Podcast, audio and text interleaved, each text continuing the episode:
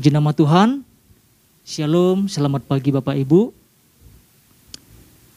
Pada pagi hari ini kita akan belajar bersama-sama apa yang menjadi pesan Tuhan di dalam kehidupan setiap kita. Tentunya kita harus bergairah ya Bapak Ibu ya. Harus tetap semangat untuk menjalani hari-hari kita. Karena kita tahu bahwa Tuhan selalu menyertai setiap kita. Pesan Tuhan berbicara tentang bergairah karena memiliki tujuan Tuhan. Bergairah karena memiliki tujuan Tuhan. Pesan Tuhan ini sangat penting untuk kita sama-sama pelajari Bapak Ibu. Pesan Tuhan ini datang secara khusus untuk setiap kita, untuk mengajar, untuk menuntun kita, untuk menolong kita. Untuk apa? Untuk sampai kepada tujuan Tuhan di dalam kehidupan setiap kita masing-masing. Kalau kita lihat pesan Tuhan ini, Seharusnya seperti inilah yang sesungguhnya kita jalani dalam kehidupan setiap kita. Yaitu bergairah, bersemangat. Karena apa? Karena kita memiliki tujuan Tuhan di dalam kehidupan setiap kita masing-masing. Jangan berkata bahwa kita tidak punya tujuan Tuhan Bapak Ibu. Kita punya tujuan Tuhan di dalam kehidupan setiap kita. Tuhan punya rancangan yang terbaik di dalam kehidupan setiap kita. Bahkan firman Tuhan mengatakan memberikan rancangan hari depan yang penuh pengharapan. Itu sebenarnya tujuan Tuhan di dalam kehidupan setiap kita. Artinya gini Bapak Ibu, artinya adalah tidak ada alasan bagi kita yang percaya untuk tidak bergairah dalam Tuhan. Katakan amin. Tidak ada alasan buat kita. Kecuali gini Bapak Ibu, kecuali orang itu sakit. Sakit dalam hal apa nih? Kita perlu pelajari sama-sama. Sakit dalam hal apa? Sakit dalam hal pendengaran. Ya, tidak bisa mendengar dengan jelas, tidak bisa menerima dengan jelas, tidak bisa memahami dengan jelas. Terhadap apa? Terhadap setiap janji-janji Tuhan di dalam kehidupannya. Alkitab berkata pikiran mereka telah menjadi tumpul di dalam 2 Korintus pasal 3 ayat 14 sampai 16. Ada selubung yang menutupi sehingga tidak mengerti sehingga tidak memahami, sehingga tidak menangkap apa yang menjadi tujuan Tuhan di dalam kehidupannya. Artinya jangan sampai kita membiarkan sakit secara rohani, ini berbahaya. Karena dampaknya adalah kehilangan gairah dalam mengikut Tuhan. Kehilangan tujuan ketika kita menjalani hari-hari kita. Tidak boleh membiarkan apa namanya sakit secara rohani karena kita sulit menangkap tentang tujuan Tuhan. Sakit secara jasmani saja kita sulit menangkap sesuatu Bapak Ibu. Sama halnya dengan sakit secara rohani. Ya kan? Membiarkan penghalang-penghalang dikatakan pikiran mereka menjadi tumpul. Ada selubung, ada penutup. Nah, kita mau belajar bersama-sama Bapak Ibu. Nah kita mau lihat firman Tuhan yang menjadi dasar perenungan kita di dalam 1 Korintus pasal 9 ayat 26 sampai 27. Tetapi kita akan bacakan ayat 26 saja Bapak Ibu. 1 Korintus pasal 9 ayat 26. Bagian ini yang kita yang akan kita bacakan. Demikian firman Tuhan. Sebab itu aku tidak berlari tanpa tujuan. Dan aku bukan petinju yang sembarangan saja memukul. Saya ulangi sekali lagi Bapak Ibu. Sebab itu aku tidak berlari tanpa tujuan dan aku bukan petinju yang sembarangan saja memukul. Pesan Tuhan ini sudah disampaikan oleh Bapak Gembala pada hari Minggu Bapak Ibu. Saya percaya setiap kita menangkap ya. Kita boleh tangkap dan kita boleh aplikasikan di dalam kehidupan setiap kita. Karena ini penting sekali untuk kita sama-sama bahas. Nah, sebelum kita jauh Bapak Ibu, saya akan membacakan tentang inti pesan Tuhan. Apa yang menjadi inti pesan Tuhan di dalam kehidupan setiap kita itu ada di warta jemaat Bapak Ibu. Tapi saya akan bacakan untuk untuk kita supaya kita mendengarnya berulang-ulang dan kita boleh tangkap. Inti pesan Tuhannya adalah Tuhan sedang menekankan pentingnya hidup orang percaya yang memiliki tujuan Tuhan di dalamnya. Bukan hidup yang sekedar asal dijalani, Wah ini yang Tuhan tekankan. Ada orang-orang percaya yang senang menggunakan istilah mengalir saja. Sering nggak kita dengar kata-kata ini Bapak Ibu? Waduh sering banget. Mengalir. Nah istilah-istilah seperti ini sebetulnya menunjukkan bahwa bahwa sebetulnya orang-orang tersebut tidak memiliki tujuan yang pasti. Apalagi memiliki tujuan Tuhan. Saya akan lanjutkan lagi Bapak Ibu. Tujuan Tuhan dalam hidup akan membuat seseorang percaya, seorang percaya mulai memfokuskan pandangan matanya, mengarahkan langkah kakinya, lalu memiliki semangat untuk menyelesaikan dengan baik. Menyelesaikan dengan baik. Ingat Rasul Paulus berat apa pun tantangan yang dihadapi, ia terus berlari untuk menyelesaikan pertandingannya. Karena ia memiliki tujuan Tuhan. Tujuan Tuhan begitu penting bagi hidup orang percaya. Ini pesannya masih panjang Bapak Ibu. Tetapi saya akan bacakan ya, supaya kita sama-sama tangkap. Dikatakan gini, melalui pesannya ini Tuhan menyatakan bahwa tidak sedikit orang percaya saat ini yang menjalani kehidupan yang biasa-biasa saja. Rutin, hampa atau kosong, atau kehidupan yang lelah, atau yang melelahkan. Akhirnya, setiap orang memiliki pandangan sendiri-sendiri mengenai hidup. Hal ini dipengaruhi oleh karena aktivitas dan pergumulan hidup dari setiap orang yang berbeda-beda. Lalu apa kata Alkitab mengenai hidup itu? Ini yang jawaban Alkitab. Rasul Paulus mengatakan bahwa hidup itu adalah pertandingan. Itu Tuhan berikan melalui Rasul Paulus Bapak Ibu. Jadi kalau dikatakan hidup adalah pertandingan, artinya gini Bapak Ibu. Setiap kita, baik itu anak-anak maupun orang dewasa, menghadapi namanya pertandingan. Katakan amin Bapak Ibu. Setuju nggak Bapak Ibu? Atau hanya orang-orang dewasa yang ikut bertanding? Enggak. Semua usia ikut bertanding. Tapi pertandingannya masing-masing. Ya kan? Sesuai dengan tantangannya masing-masing Bapak Ibu. Nah, hari Minggu Bapak Gembala sudah sampaikan satu hal. Dan hari ini Bapak Ibu kita akan juga belajar satu hal saja. Ya kemarin Pak Ishak sampaikan tangkap baik-baik tujuan Tuhan dan mulai hidupi. Ia dalam kurung masuk ke dalam gelandang pertandingan dan larilah begitu rupa. Nah, saya tidak akan mau jauh-jauh dari dari poin ini Bapak Ibu. Yang harus kita pelajari pagi hari ini adalah gini Bapak Ibu. Ini yang menjadi perenungan kita. Tuhan mau kita masuk ke dalam geland, gelanggang pertandingan dan memenangkannya. Tuhan mau kita masuk ke dalam gelanggang pertandingan dan memenangkannya.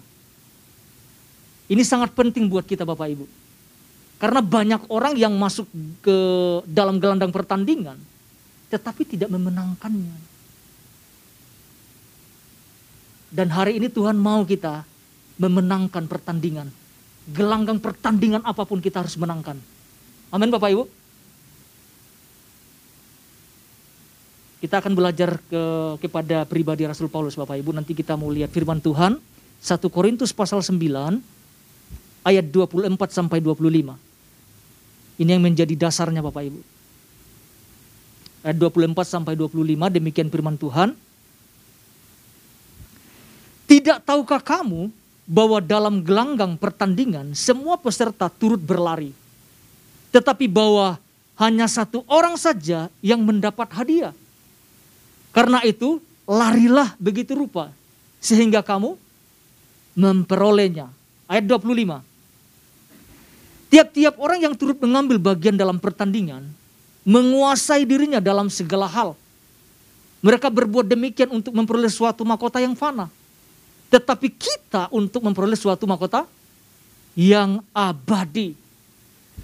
Bapak Ibu yang terkasih di dalam nama Tuhan Yesus di ayat 24 dalam terjemahan lama menggunakan kata kemenangan di sana. Ya, supaya kamu itu terjemahan lama, supaya kamu beroleh kemenangan. Sedangkan dalam terjemahan baru dikatakan, karena itu larilah begitu rupa sehingga kamu memperolehnya. Pertanyaannya memperoleh apa nih? Terjemahan lama mengatakan supaya kamu beroleh kemenangan. Artinya Tuhan mau kita memasuki setiap gelandang pertandingan untuk memenangkannya. Ya. Dan untuk memenangkan setiap pertandingan, kita bisa lihat ada tiga poin yang disampaikan oleh Rasul Paulus melalui ayat yang kita bacakan. Yang pertama adalah harus menguasai diri dalam segala hal. Ini kunci pertama. Supaya kita mengalami kemenangan demi kemenangan di dalam kehidupan setiap kita. Yang pertama adalah harus menguasai diri dalam segala hal. Kira-kira ini mudah atau Bapak Ibu? Mudah apa enggak Bapak Ibu? Sulit ya? Kata menguasai diri dalam segala hal itu sesuatu yang sulit kita lakukan. Tetapi ini yang Rasul Paulus ajarkan kepada jemaat di Korintus. Harus menguasai diri dalam segala hal. Apa saja yang harus kita kuasai? Bisa hati kita, pikiran kita, perkataan, tingkah laku, langkah-langkah yang kita ambil, bahkan keputusan-keputusan yang kita ambil. Menjaga hati jangan sampai ada noda, Jangan sampai bercacat celah. Itu di Efesus dikatakan. Tidak bernoda, tidak bercelah. Karena kata dalam segala hal, bukan hanya satu ini, pikiran saja yang kita jaga tidak. Hati kita, perkataan kita mesti jaga, langkah-langkah kita mesti kita jaga. Artinya kita harus hidup sesuai dengan apa yang firman Tuhan katakan sebagai pedoman hidup kita.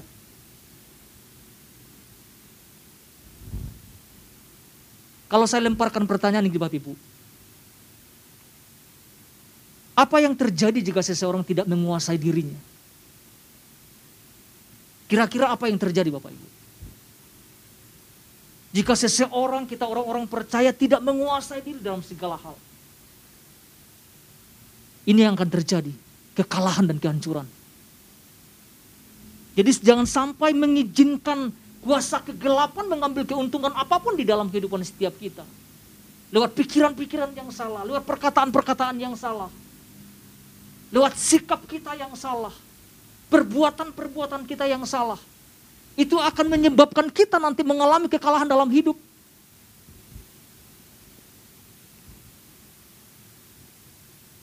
Dua Timotius pasal 4 ayat 5. Puji Tuhan. Demikian firman Tuhan, tetapi dikatakan gini, Kuasailah dirimu dalam segala hal. Saya suka kata-kata lanjutannya nih Bapak Ibu. Sabarlah menderita. Kira-kira enak gak Bapak Ibu? Aduh gak enak. Disuruh sabar menderita tuh gak enak. Selanjutnya dikatakan lakukanlah pekerjaan pemberitaan Injil. Dan tunaikanlah tugas pelayanan. Seharusnya bagian inilah yang harus kita lakukan bersama. Harus sabar dalam menderita. Penderitaan apa yang kita alami hari-hari ini Bapak Ibu? Tantangan apa yang kita hadapi hari-hari ini?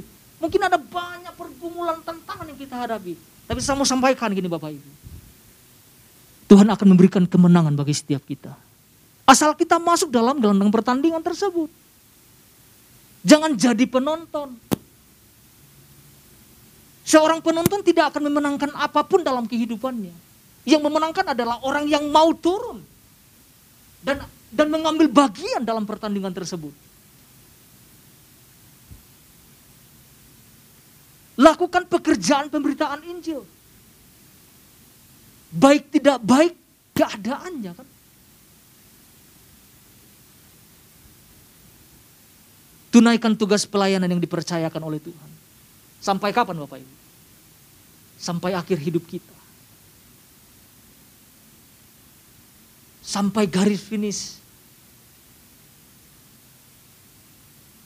Kira-kira mudah Bapak Ibu? Tidak mudah. Ketika firman Tuhan mengatakan sabarlah dalam penderitaan. Itu bukan sesuatu, ketika saya renungkan bukan sesuatu yang mudah. Tantangan yang kita hadapi hari-hari ini bukan sesuatu yang yang yang mudah Bapak Ibu.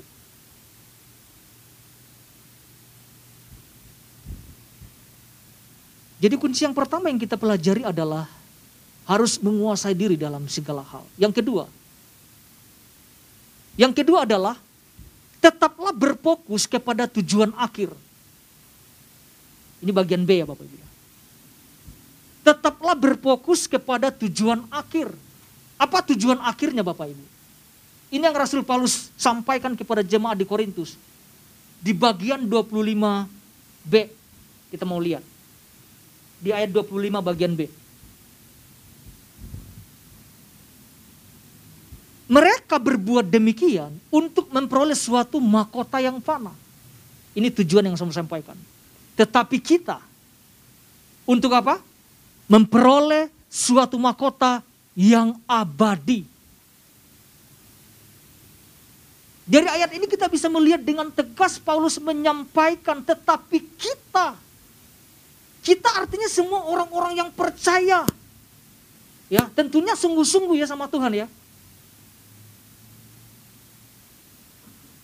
Untuk memperoleh suatu mahkota yang abadi. Apa sih yang dimaksudkan tentang mahkota yang abadi? Yang dimaksudkan adalah keselamatan yang Tuhan janjikan. Itulah mahkota, itulah hadiah yang akan Tuhan berikan kepada orang-orang yang bersungguh-sungguh. Mengiring Tuhan tentunya. Ada keselamatan, ada mahkota yang Tuhan sediakan kepada orang-orang yang bersungguh hati dalam mengiring Tuhan. Makanya Paulus kalau kita lihat dalam kehidupan Paulus begitu bergairah Bapak Ibu. Hidupnya tidak statik.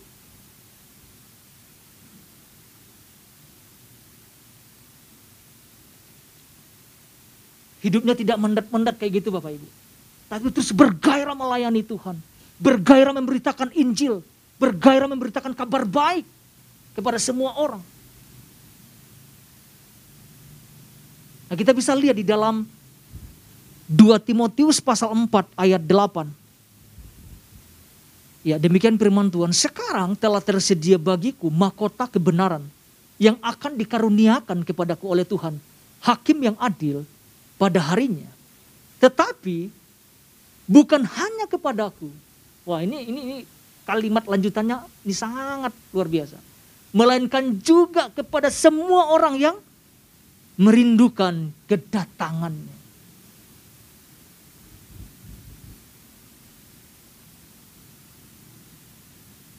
Paulus mengatakan, tetapi itu bukan hanya kepadaku, tetapi kepada semua orang yang merindukan kedatangannya. Kita adalah orang-orang yang merindukan kedatangan Tuhan, Bapak Ibu. Kita adalah orang-orang yang terus mempersiapkan diri dalam segala hal Jadi kalau uh, Rasul Paulus bergairah, seharusnya gini Bapak Ibu, kita juga harus bergairah, betul ya? Kalau Paulus begitu bergairah, harusnya kita juga begitu bergairah karena kita memiliki tujuan Tuhan di dalam kehidupan setiap kita. Itu bagian B. Bagian terakhir ini Bapak Ibu.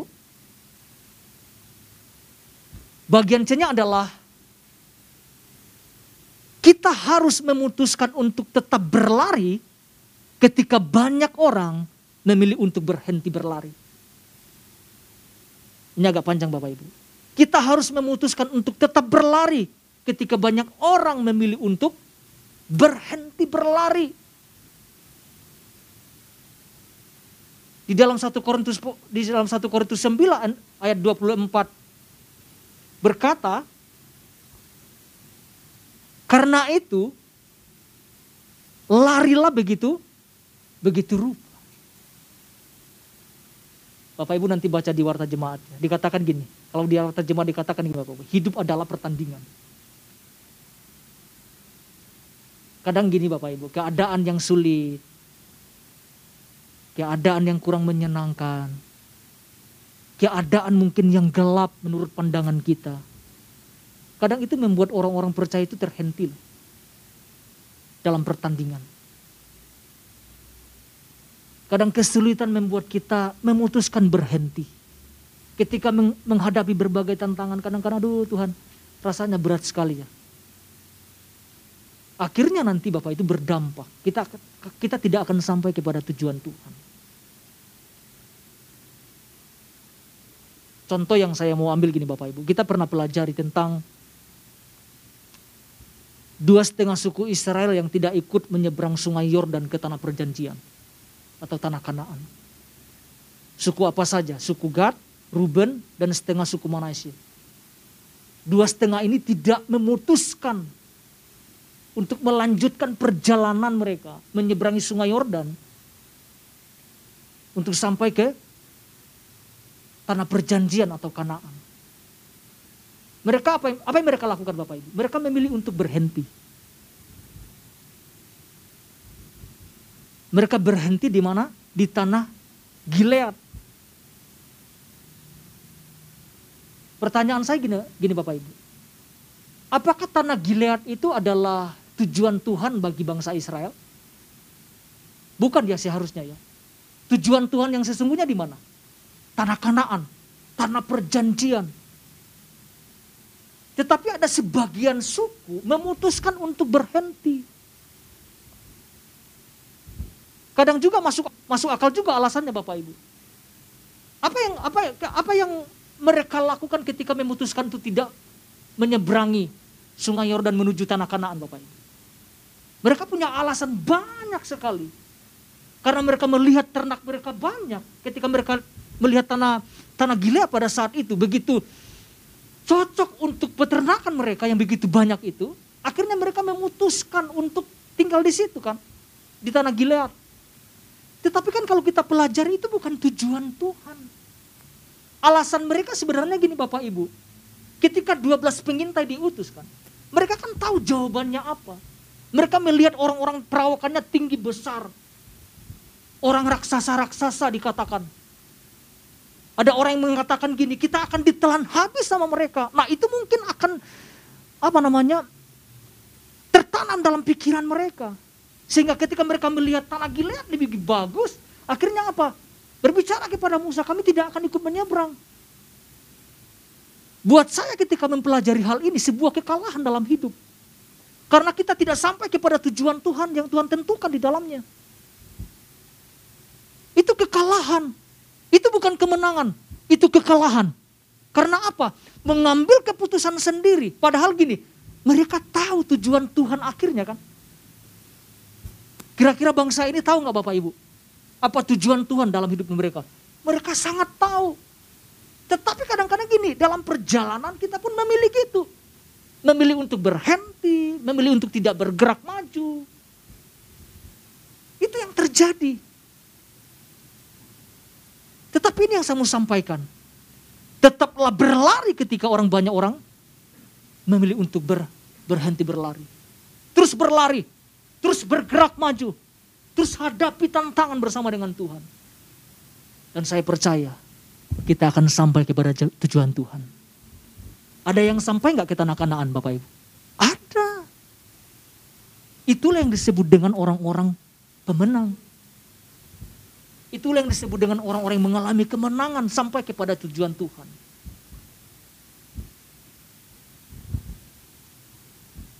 Jadi poin ini yang dapat kita renungkan Bapak Ibu. Tuhan mau kita masuk ke dalam gelanggang pertandingan dan memenangkannya.